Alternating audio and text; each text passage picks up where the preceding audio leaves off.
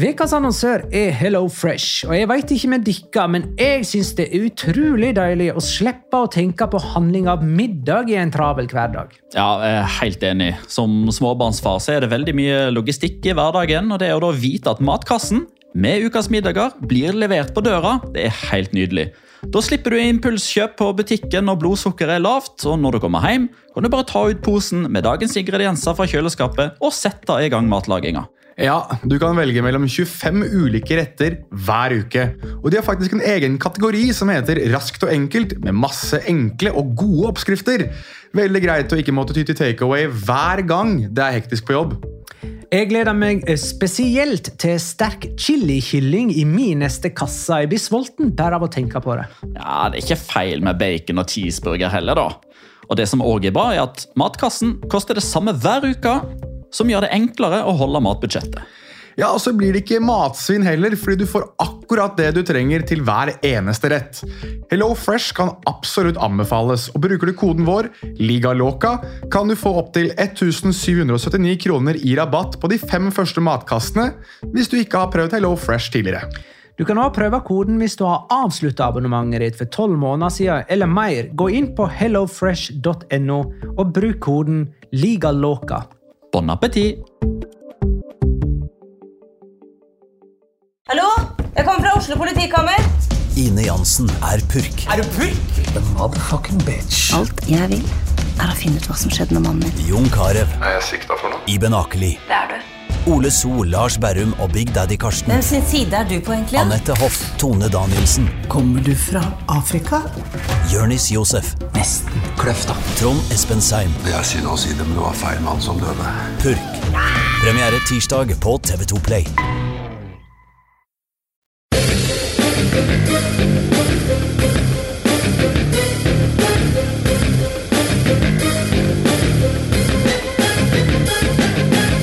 Har du sett? Atletico hadde ikke sleget storebror i Madrid på fire år, men da Ancelotti kom til Wanda Metropolitano som ligamester og satte både Courtois, Benzema og Venicius på benken, da kom endelig den historiske seieren for Atletico, som dermed langt på vei sikra fjerdeplassen i La Liga. La liga loca. En litt gærnere fotball.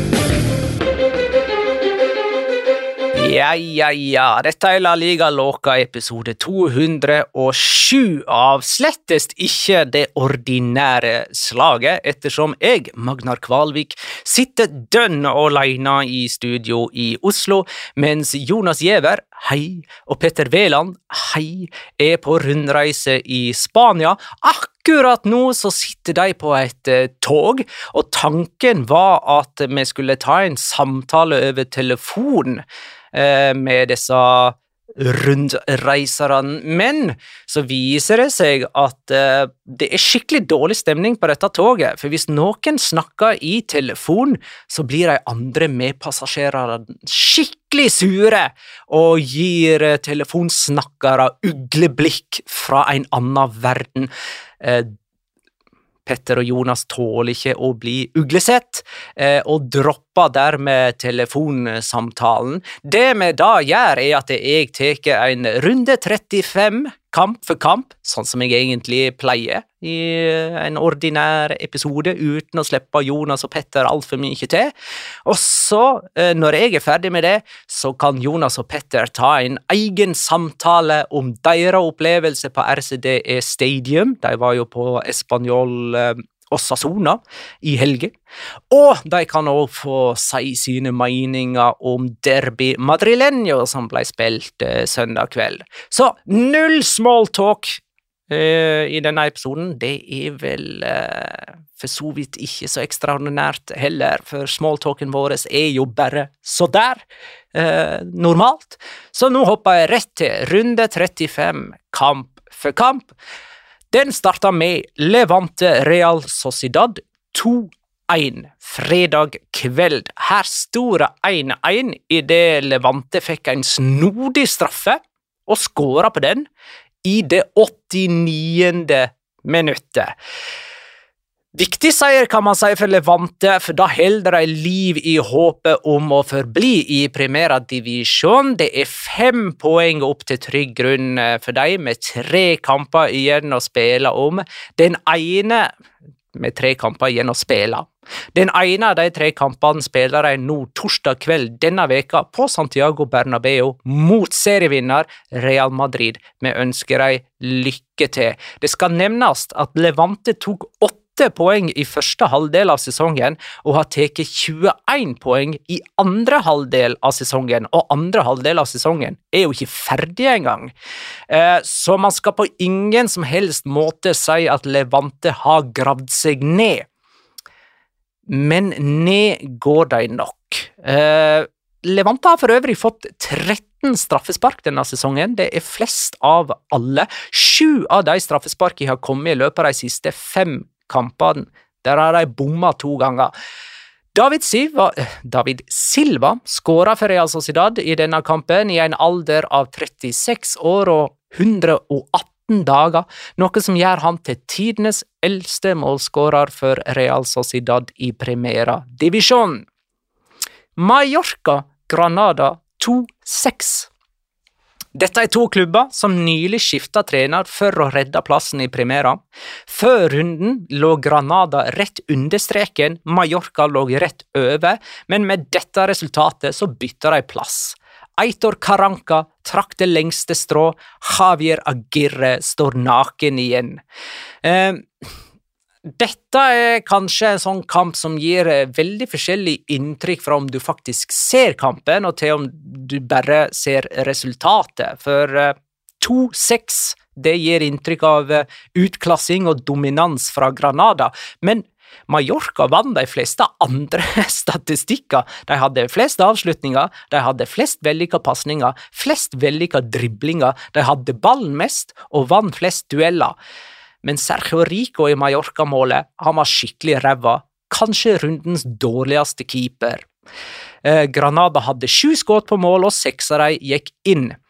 Eh, det var åtte mål altså i denne kampen, men bare én spiller skåra mer enn ett mål. Det var den 40 år gamle innbytteren Jorge Molina, som dermed har nådd tosifra antall skåringer denne sesongen. Han er toppskåreren til Granada.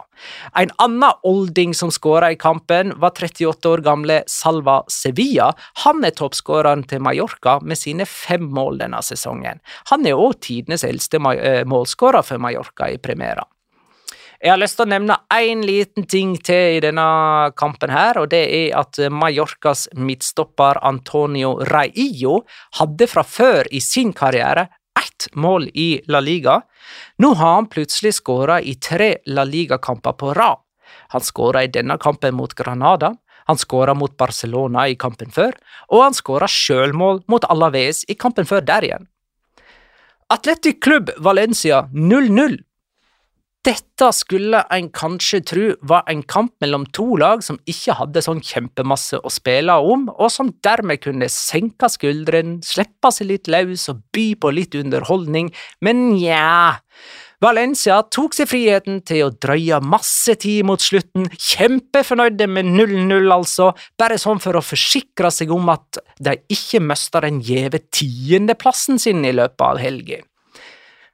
Og der kom jeg med negativ omtale om Valencia, og det skal man være jævlig forsiktig med, for i dag har jeg publisert en pressemelding som fordømmer denne kampanjen som trakasserer og forstyrrer denne stakkars klubben. Dette er nemlig en trend, mener de, som media fyrer opp, og som fører til hets og trakassering mot Bordalas og hans lag. Og vi har et lytterspørsmål fra eh, Kai Slupphaug, som spør hva syns dere om Valencia sin pressemelding?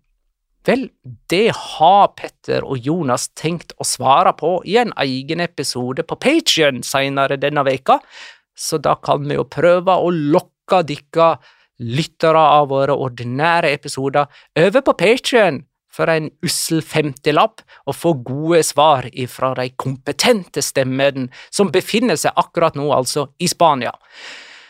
Før jeg går videre til neste kamp, så nevner jeg at Valencia har sju kamper på rad uten seier, inkludert Copa del Rey-finalen, som de altså tapte mot Betis på straffekonk.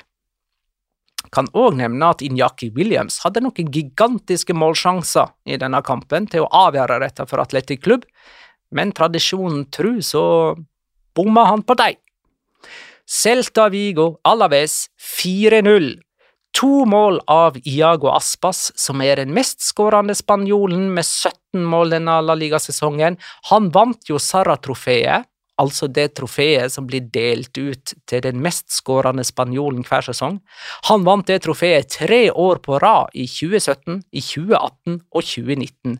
Og så var det Gerard Moreno som vant de to neste årene, i 2020 og 2021, og Aspas er altså i ferd med å vinne tilbake det trofeet, men får kamp om det av Raúl de Tomàs, som bare er to mål bak.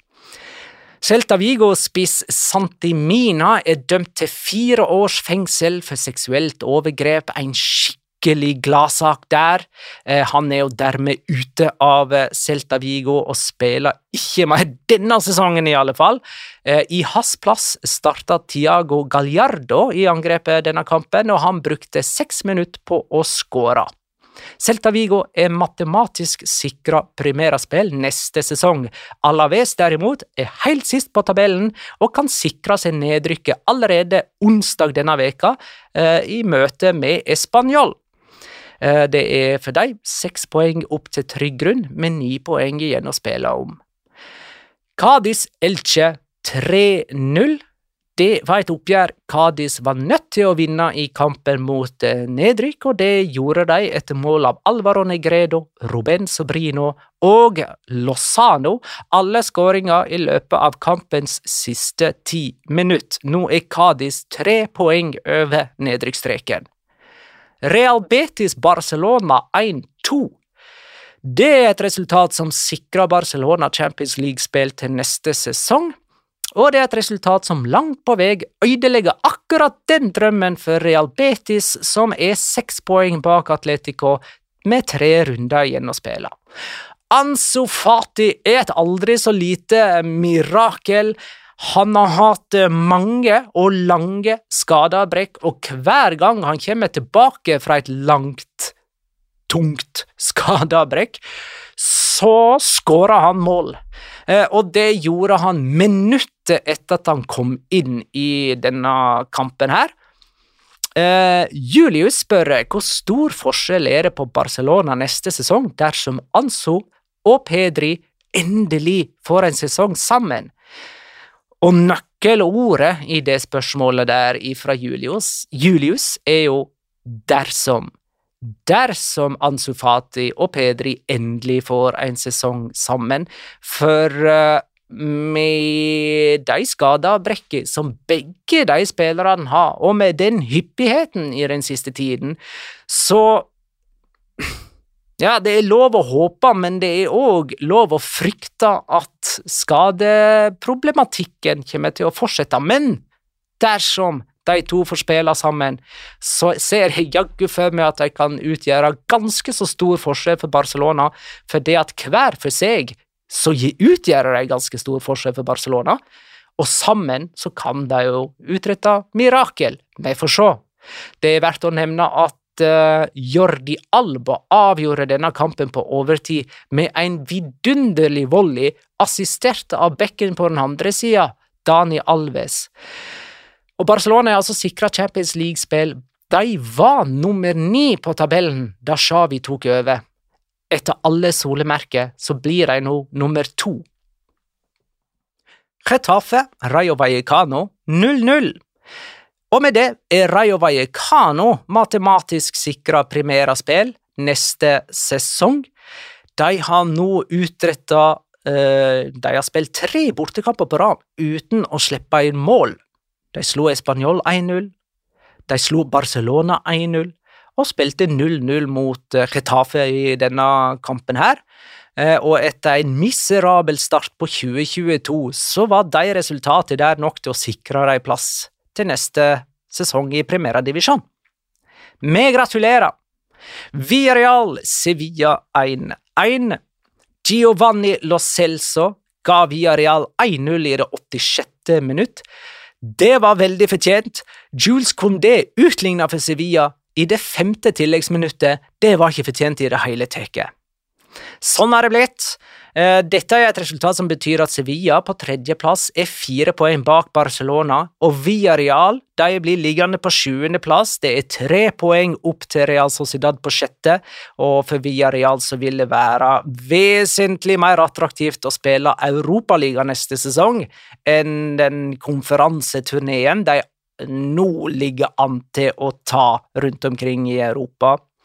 Eh, jeg hadde egentlig tenkt å spørre Petter hva han egentlig syns eh, Giovanni Lo Celso har gitt via Real siden han ble signert på lån fra Tottenham i januar, men han er ikke her til å svare på det spørsmålet, dessverre. Español og Sassona 1-1. De fleste fotballturistene som reiste til Spania denne helga her, gjorde nok det med et håp om å komme seg inn på Wanda Metropolitano og se El Derby Madrileño. Men du veit, vi som eh, driver La Liga Loca og eh, er fanatisk opptatt av spansk fotball, vi ser gull under overflata, så Petter og Jonas de valgte å reise til RCDE Stadium og se Español også sona 1-1. Um, da fikk ikke de sett sånne som Tony Cross, Luka Modric, Jan Oblak, Antoine Griezmann i aksjon, men derimot eh, Fernando Calero, Manu Morlanes, David Garcia og Moncayola. Eh, og hvordan det var for dem å oppleve disse spillerne på nært hold, det skal de få lov til å fortelle om eh, litt eh, senere. Det er ikke så veldig lenge til. Det vi i alle fall kan si om denne kampen, var at Jonas og Petter fikk med seg to glimrende skåringer. Først av Kike Barja for eh, Osasona, og så av Nico Melamed for Español. Rundens siste kamp, Atletico Madrid, Real Madrid 1-0. El Derby Madrileño var spilt på Wanda Metropolitano søndag kveld, og Carasco ble matchvinner fra straffemerket for Atletico Madrid, og ja, det er faktisk en aldri så liten historisk seier dette for Atletico, for de har aldri sleget Real Madrid på sin nye stadion Wanda Metropolitano. Eh, dette var Atletico sin første seier i Derby Madrileño. På fire år de hadde ikke sleget Real Madrid siden i Uefa Supercup i 2018, og det var jo etter ekstraomganger. Eh, så etter 90 minutter må vi helt tilbake til 2017 for å finne sist gang Atletico slo Real Madrid. Har jeg så veldig mye mer å si om den kampen, egentlig? Jeg håper eh, Jonas og Petter jeg gir Jonas og Petter i oppgaver og snakka litt om det at uh, Erling Braut Haaland uh, ser ut til å være klar for Manchester City, noe som vel må bety at Mbappé uh, går til Real Madrid. Og så skriver jo Hva er det som står? Korg til oss. Real Madrid sin spiss ser ut til å stikke av med en fortjent Ballon d'Or. Da sikter han til Karim Benzema. Så trenger egentlig Real Madrid Mbappé? Vel, jeg sender det spørsmålet videre til Jonas og eh, Petter. Eh, det blir ikke kåring av rundens spiller, men hadde det vært det i denne episoden, så hadde jeg kåra Jorge Molina, som kom inn etter 52 minutter for Granada mot Mallorca og produserte to mål og én målgivende pasning. Jeg synes det er sterkt, av 40-åringen. Eh, tippekampen vår denne veka, det var Atletico mot Real Madrid, som endte 1-0 etter mål av Carasco. Jeg tippa der 1-2 og skåring av Rodrigo. Det gir meg null poeng. Jonas hadde 0-3 og mål av Benzema. Det gir han null poeng. Og Petter hadde 0-2 med Venicius Junior som første målskårer. Det gir òg null poeng. Carlo Ancelotti starta jo denne kampen uten verken Benzema, Venicius Junior eller Courtois, som jeg nevnte i uh, introen. Eh, totalt så har jeg i vår interne tippekonkurranse 32 poeng. Jonas har 22 poeng, og Petter har 21 poeng. Neste kamp vi skal tippe på, det er midtvekerunde nå, eh, og Jonas og Petter skal jo på mange av, eh, eller i alle fall flere av de kampene som er i midtvekerunden, men kampen vi tipper på, den går til helga mellom Atletico Madrid og Sevilla på Wanda Metropolitano. Der tipper jeg 2-1 til heimelaget Atletico. Og første målskårer eh, Jannik Carasco. Jonas tippa 1-1, og første målskårer Tecatito.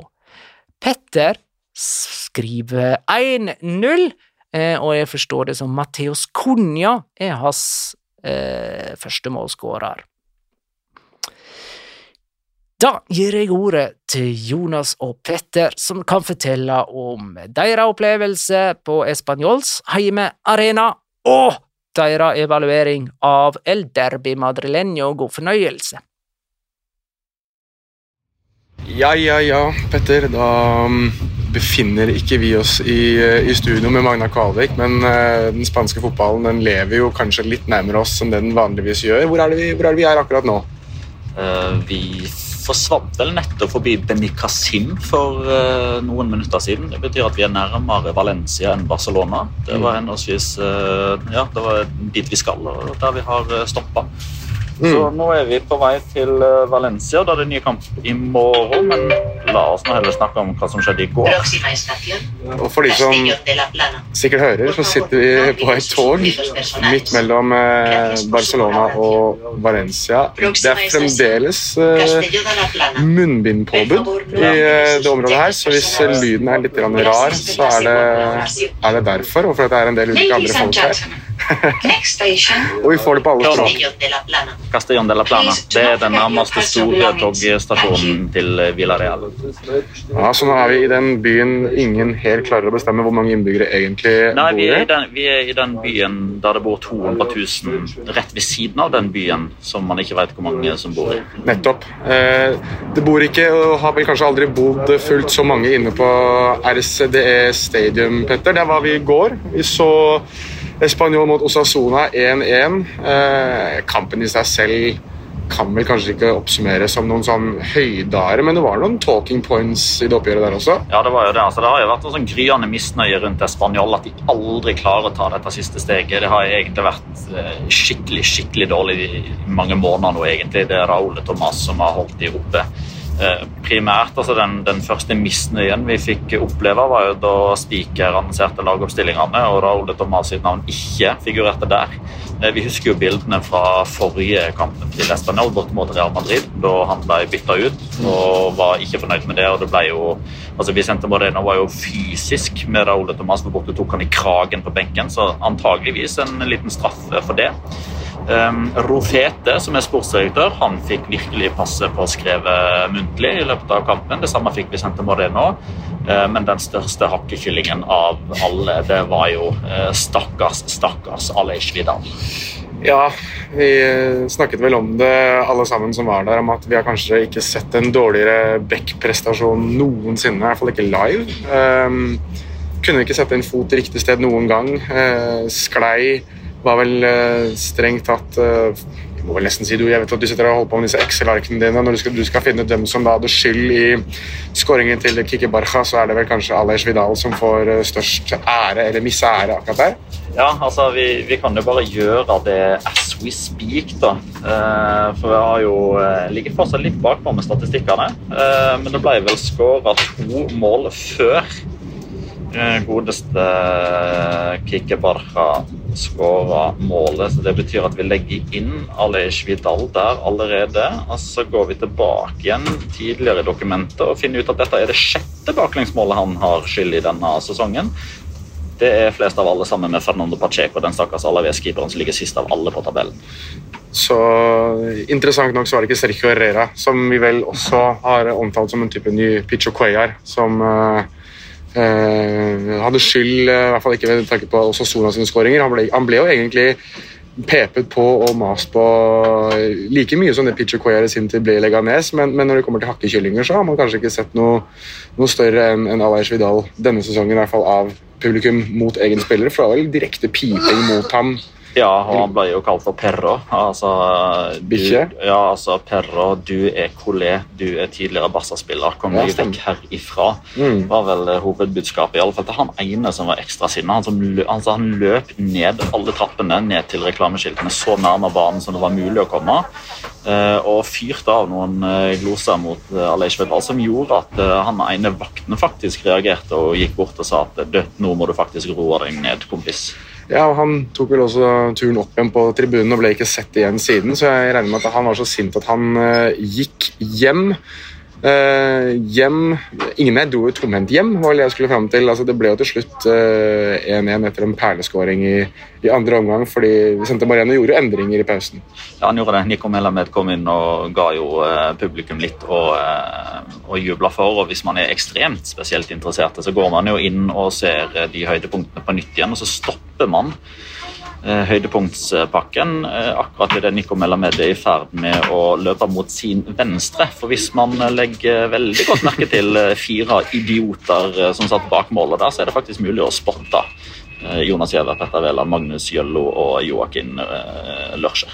Ja, vi satt jo bak det. Vi fikk jo skåringene kastet rett i ansiktet vårt, eh, begge av skåringene. To nydelige skåringer, og så må vi jo da kanskje også slenge inn på det at eh, vi ble jo ranet, kan vi si det, for en Chimiavila spesial på slutten også. Ja, altså, altså To tredjedeler av La Liga-redaksjonen reiser på tur. Hvem er det vi elsker på Spanjol? Jo, det er Raúl de Tomàs. Han er benka fra start. Hvem er det vi elsker på Sassona? Jo, det er Chimi Avila. Han blir benka fra start. Altså, det er jo Vicente Moreno og Jago Barasata har jo åpenbart noe imot oss, en agenda her. Men han kom jo inn da, og klaska jo den ballen knallhardt via fingertuppene til Diego Lopez i tverrleggeren. Um, det er vel det nærmeste jeg har vært å storme banen på en fotballstadion noensinne. Jeg er enig der. Um, nå er det jo en litt sånn spesiell episode her, Petter. Og Locora er jo ikke noe som eh, vi kanskje nødvendigvis er med på i denne episoden her. Altså, nå, nå har jo Magnar åpenbart fortalt dere litt om hvordan runden gikk, men vi kan jo slenge inn på en liten Locora her. For du reagerte veldig, og det gjorde vi egentlig begge to, på Diego Lopez i eh, det 54. minutt. Eh, For det husker jeg at du, du, du snudde deg for å se på måltavla for å si at jeg må se tilbake på det 54. minutt. Hva skjedde der? Og Petter, hva, hva skjedde der? Eh, Nei, så Hvis jeg husker det korrekt, da, så altså det er jo Osasona som får en ganske stor målsjanse. Det er sikkert Ante Bodimir som, som fikk den òg. Som på mange måter er litt sånn alene med keeper. Han er jo, han er jo under press da, av en spanjolspiller. Diego Lopez kom jo ut fra streken for å gjøre vinkelen dårligere, for å gjøre seg sjøl større. Men så kommer det en lagkamerat, eh, en annen Osasona-spiller, som kommer litt til venstre. Og her er det åpenbart at Diego Lopez da satser alle kort på at Ante Bodimir skal sentre ballen til eh, sin lagkamerat. Han løper, jo, han løper jo faktisk vekk fra målet. Han sprinter vekk fra målet. Eh, Og Det så fryktelig fryktelig rart ut fra vår posisjon, men så fikk vi jo sett en, eh, et, et resymé fra kampen senere på kvelden. Og vi fant vel ut at han, han gjorde vel ganske riktig i den situasjonen. Han gjorde det ganske riktig, og, men en spiller som kanskje ikke gjorde det så veldig riktig, det var jo en av mine skal vi si for noe? En av mine skal vi kalle det kjæledegger. Altså, han fikk i hvert fall litt den rollen etter siste episode, da vi snakket om hvem som skulle starte midtforsvaret til Real Madrid mot eh, Manchester City. For da nevnte jeg eh, Jesus Vallejo. Vi kan jo bevege oss litt videre til det som eh, var hovedkampen eh, denne serierunden, som var Madrid-derby på Metropolitano Politano søndag kveld klokka ni, både her og i Norge. Atletico Madrid 1, Real Madrid 0. Og Hva står vi igjen med etter den kampen, Petter? Så jeg føler vel egentlig at jeg ikke har sett den kampen ordentlig. Eh, det, er, et hull i hukommelsen min. Eh, livet mitt er ikke i vater. Det er ubalanse. fordi altså For det første så var det spilt en del minutter allerede før vi fikk funnet en, eh, en pub som viste kampen. Eh, det viste seg jo at innehaveren av den puben var en ekstremt lidenskapelig Millwall-supporter som var så ekstremt intens i blikket sitt. Han så på oss og fortalte at jeg var rett og slett redd for å se på fotballskjermen for ikke å virke eh, som jeg ikke hadde respekt for hans eh, fortellinger. Så jeg satt jo og så mer på denne gærningen enn på selve kampen. Så, men jeg har jo fått med meg at eh, Atletico Madrid burde ha ledet enda mer eh, enn hva de da faktisk gjorde. Før Real Madrid eh, heiv inn på Vinicius Junior og fikk litt mer fart i angrepsspillet.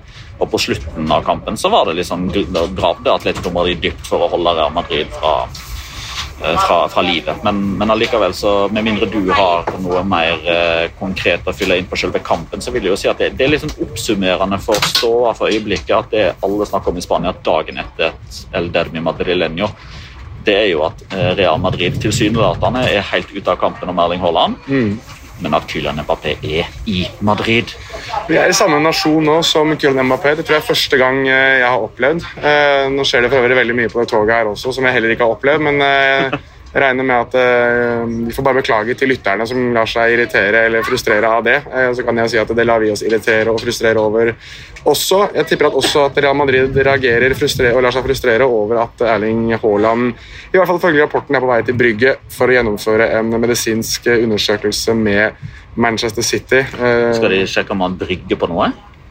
ja, men er det ikke, det ikke, sånn, det er, er det ikke sånn det er blitt? At han eh, skal drive og brygge brygge og slite med, med litt av hvert, eh, den godeste Erling Braut Haaland. Han har, jo, han har jo klart å være veldig mye skadeplaga den siste, siste sesongen. og og egentlig regelrett hatt uh, nok problemer som gjør at Real Madrid ikke virker som de kommer til å kaste like mye penger etter ham som de har gjort etter andre. Uh, men Kylian Mbappé har vært spottet uh, på en restaurant sammen med Ashraf Hakimi i dag i, i Madrid. Og så er jo spørsmålet litt hva det egentlig betyr. Eh, skal vi lese det som at han syns Madrid er en fin by? Skal vi lese det som at han er på vei til Real Madrid? Eller skal vi kanskje passe på at vi ikke leser noe særlig ut av det riktige ennå, annet enn at Kylian Mbappé er på plass i den spanske hovedstaden? Altså, jeg tolker jo altså, jeg, jeg vil jo tro at ethvert signal nå faktisk er et signal. Ehm, og Det handler jo litt om at f.eks. Kylian Mbappé og folkene rundt ham, de vet jo at enhver bevegelse han gjør nå, kommer til å bli tolka i alle bauger og kanter og retninger. Det er jo åpenbart at PSG-spillerne har fått litt fortjent fri etter 2-2 mot Troyes sist. Eh, fordi Det viser seg jo at Neymar han er i Barcelona nå. Eh, det betyr jo ingenting, for Neymar er jo oftere i Barcelona enn i Paris når han får muligheten til å bestemme hvor han skal befinne seg. Men det er verdt å ta med Det er verdt å ta med i, i kalkulasjonen her at det, det trenger ikke å bety så veldig mye. det her. For det her har jo skjedd med Neymar før. Ja, ja. At når han har vært i Barcelona, så rykte børsen godt. Ja, definitivt. Men samtidig så er det litt sånn, hvis du har noen dager fri, da, og du vet at du er i den situasjonen at du skal velge mellom å fortsette i PSG eh, eller dra gratis til Real Madrid, er det da lurt å legge noen fridager til Madrid? Altså, jeg tenker det, det heller jo bare ekstra bensin på bålet. Eh, og jeg tolker det litt sånn at det, enten så bør du ikke gjøre det hvis du skal fortsette i Paris, eller så er det en mål og mening bak denne turen. Eh, fordi det fins andre steder en kunne reist. for å si det sånn. Jeg, jeg tolker dette her bare som et nytt signal jeg, på at når, når sesongen er ferdig, når siste kampen er spilt, så kommer det kommunikado offisielt Kylian Mbappé på realmadrid.com. Tror du at de eh, var litt mer frista til å Hvis det nå er sånn at dette her er klart, hvilket det virker å være, tror du de var litt frista til å gjøre noe med det i går etter å ha tapt El Derby, eller tror du kanskje til og med at eh, Real Madrid har lekket at Mbappé var i Madrid for å få fokus vekk fra gårsdagens derby og heller på dette? Ja, Det skal ikke se bort fra det sistnevnte, men altså, dette kan jo òg være et, et sololøp fra Mbappé. Det er ikke sikkert at Real Madrid i det hele tatt visste at han var dit. Eh, Det virker jo ikke som at eh, dette her er noe sånn Altså, Han er jo, som du sier, det samme med Ashraf Rakimi. Eh, han har jo Foreløpig da, så har det jo ikke kommet noe melding om at han har møtt noen fra Real Madrid. Altså, Det nærmeste man kommer, er vel at Marca.com har analysert seg fram til at han er syv minutter med taxi unna Santiago Bernabeu. Og at det er det nærmeste han har vært Real Madrid foreløpig. I så fall så Med unntak av at han spilte der for et par, uker, par måneder siden. Ja, Men, eh, sant nok. Sant nok. Og skåret, riktignok òg. Ja, det gjorde han. Og det er vel målet no pun intended, målet er vel at han skal fortsette å skåre mål på, på Sundego Bernabeu. Men, men uansett, eh, for å ta det litt før vi avslutter, Petter, for det er sikkert mange som, som lurer litt på eh, Champions League-racet nå.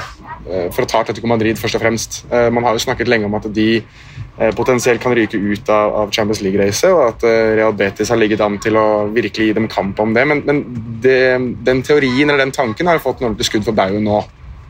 Ja, altså Real Betis vinner jo ikke fotballkamper lenger, dessverre. Det gjør ikke Real Sociedad heller. Eh, Så de to har på mange måter sparka bein på seg sjøl. Atletico Madrid tok et langt steg når de vant den vanskeligste kampen de hadde igjen. Eh, Og dersom ting går i, eh, i deres favør, så kan de jo klinsje den Champions League-plassen allerede på onsdag, når de spiller bort mot Elche. Eh, Samtidig der har jo Elche bitte litt å spille for. De trenger fortsatt et poeng for å unngå nedrykk matematisk. Så du skal liksom ikke se bort fra at Atletico Madrid plutselig kom i en situasjon der de på søndag kveld, eh, når de møter Sevilla, fortsatt er i en posisjon der de trenger poeng. Mm. Eh, Sevilla legger prestisje i å havne foran Atletico Madrid på tabellen. Kampen blir spilt eh, på Wanda Metropolitano. Der har riktignok Atletico Madrid et ganske godt tak på Sevilla, men det blir en sånn direkte avgjørende duell. Kanskje spiller de uavgjort der, som gjør at Sevilla kvalifiserer seg, men Atletico Madrid fortsatt har en jobb å gjøre i siste serierunde når de møter Real Sociedad på bortebane. Så det altså absolutt alt tyder på at vi får the, the four usual suspects, som kanskje er bra for La Liga. At du si, bygger de fire lagene som fortsetter å, å dunke på ut i Europa, kontra det at man får visse overraskelseslag. Noen ganger så kan det gå fint. Se på Villarreal denne sesongen, men normalt sett så kommer ikke de til å ta seg så langt. Så med tanke på Uefa, koeffisientpoeng osv., så, videre, så er det bra for spansk fotball at det er Real Madrid, Barcelona og etter alle solmerker og Sevilla og Atletico Madrid som, som blir topp fire. Men de, de kunne ha sånn For min del, for spenninga sin del, så kunne de gjerne ha venta litt grann ekstra med å clinche topp fire. Så er det jo, ser vi jo også litt på at et lag som Villarreal eksempel, de eh, ser jo ut til å ende utenfor europaplass, i hvert fall slik ståa er nå. De ligger Eh, jo topp sju akkurat nå, så det ser, akkurat nå så ser det ut som at det blir konferanseliga, men de har jo bare ett poeng ned til Atletico. ja, men, men altså, for dette her er vel også litt fordi at Betis eh, går til Europa gjennom at de vant eh, Copa del Rey, så i en vanlig sesong der et annet lag utenfor topp syv hadde vunnet, for eksempel, så hadde vel ikke de kvalifisert seg. Ja, Nei, ja det, det, det er riktig at i utgangspunktet så er det topp seks, men Ja. du sier en, en normal sesong. Eh, altså, Ok, Det ville vært en unormal sesong. Ja, Det ville vært en unormal. fordi syvendeplassen har jo på mange måter gitt eh, Europa League da, de siste årene, og Conference League og det er vel noe sånt som åtte eller ni sesonger på rad. Min tanke var vel heller det at et lag som Valencia spilte jo faktisk eh, cupfinale og er ganske eh, greit utenfor europaplassen slik ståa er nå. Så det er sånn unormal til normal eh, sesong. Unormalt er det også for oss, Petter, å være i, i Spania igjen. Vi er på tog mellom eh, Barcelona og Valencia, for vi skal videre og se en av de kampene du nevnte her nå. Eh, vi skal se Valencia mot Real Betis, som da er rematch fra Copa del Rey-finalen. Ja. Eh, og Deretter så går turen til den også tidligere nevnte kampen mellom Elche og Atletico Madrid. Så vi, vi får servert eh, kamper som er Um, rett og slett utslagsgivende for uh, Champions League-plassen og for hvordan sesongen, uh, sesongen ender. Og da må jeg nesten spørre Ettersom vi sitter her, vi kjenner litt på fotballpulsen stige og synke og stige og synke og stige og synke i tråd med hvordan dette landet her fungerer. Hvilke av de to kampene er det du ser mest fram til? Det er vel egentlig Valencia-Betis. Eh, det er jo litt fordi altså, Mestalla litt større enn Martinez Valero. Eh, har vært begge steder før, så du får altså Martinez Valero for min del får liksom ikke det wow-preget fordi jeg er der for første gang, sånn som RCDE Stadium jo faktisk var på søndag. Eh, men altså, det, det blir kjempegøy, begge delene. Definitivt. Og til dere som lurer på hvor dere kan følge med på, på dette, så er det jo verdt å ta med at eh, La Liga Loca Tour, som vi har valgt å kalle det, der oppdaterer vi jevnlig på Twitter eh, via vår Twitter-konto at La Liga Loca, og så er det en del Og jeg får sagt at det er veldig mye godt innhold på Patreon vår, altså med både eh, stadiontour, vi kan kalle det det, av det som blir hjemmebane til Barcelona sesongen 2023-2024. Vi har også hatt en avisrunde. Vi skulle kanskje hatt en til eh, i dag, eh, mandag også, men det har vi ikke rukket riktig ennå. Og samtidig så tror jeg at det er en del annet snacks. Kanskje til og med dukker opp en La Liga-legende etter hvert der. Ja, altså hvis ting, altså Vi skal ikke love for mye her, fordi altså vi skal ikke selge eh, skinnet før bjørnen er skutt. Men uh, vi har bjørnen i sikte. Det har vi, og vi har uh, hånda på avtrekkeren. Uh, Vi er ganske nære med å, å close en ganske fin avtale. Så får vi se hva som skjer i resten av turen. Men altså at det blir Vi skal jo blant eh, snakke litt om gamle hjemme La Liga, hvis ting går etter planen. Vi skal vel òg en liten tur utenfor Nueva Mestalla, hvis ting går etter planen. Eh, Valencia har jo kommet med en pressemelding som jeg har lyst til å snakke litt om i et eh, lite innlegg. der eh, de okker og akker seg over at folk er sinna på at de lager mye frispark og får masse gule kort og får folk utvist i hver tredje kamp. Så der brenner jeg inne med litt frustrasjon som skal ut. Og så Bantoleros oss har det jo blitt en del av, så det er patrion.com slash la Patrion.com. Slash La Liga der altså. Og så får vi bare da si at vi er tilbake igjen neste uke med en ordinær episode. Forhåpentligvis er alle sammen i studio da. Og forbindelsen fra eh, Moderne Media sitt studio i lune, fine, deilige Oslo sentrum er noe bedre enn på melkeruta mellom eh, Barcelona og Valencia. Så får vi si takk til Magnar som tok Ja, den vi viktige, ja, tok den viktige, harde jobben for oss med Kamp for kamp eh, denne gang. Og så ser vi frem til å høre og snakke med deg, kjære lytter, i neste uke. Ha det, da!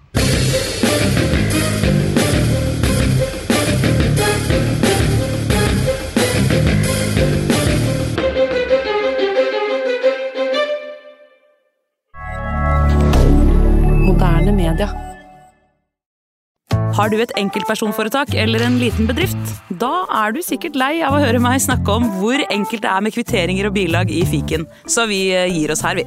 Fordi vi liker enkelt. Fiken superenkelt regnskap.